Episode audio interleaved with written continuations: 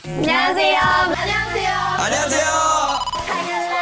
It's time 깜짝이야 Korea. 안녕하세요. Waduh, ternyata ada drakor yang lagi digandrungin nih Sobat Medio. Diperanin sama Yu Yeon Sok dan Moon Ga Young. Judulnya The Interest of Love. 하 계장님이랑 있으면 내 상황을 잊게 돼요. 불안해. 불편해. 이런 상황, 이런 감정.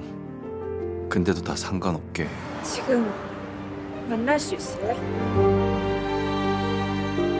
Series ini ternyata adaptasi dari novel loh Sobat Medio karya Lee Yuk Jin. Disutradarai sama Jo Yong Min, ditulis sama Lee So Yoon dan Lee Yoon Jung. Berhasil nih bikin kamu penasaran sama kelanjutan ceritanya. Cerita romansnya memang agak pelik ya karena nyeritain kisah dari empat orang yang semuanya bertemu di Bank Keiseiyu cabang Yungpo. Yu Yeon Sok ini jadi Ha Sang Soo, seorang pria yang jalani kehidupan biasa tapi hidupnya berubah waktu cinta datang dari mentornya sendiri nih, yaitu Moon Ga Young yang berperan jadi An Soo Young. Nah, tapi sayangnya dia nggak tertarik buat pacaran Sobat Medio. Alurnya sedikit santai, tapi kisah cinta yang slow burn. Uh, ditemenin juga nih nantinya sama Jung Garam sebagai Jung Jong Yun dan Kim Serok sebagai Park Mi Kyung. Per minggu ini udah masuk episode ke-12 loh Sobat Medio. Lewat teasernya terlihat kalau Sang Soo balikan sama Suyong dan mereka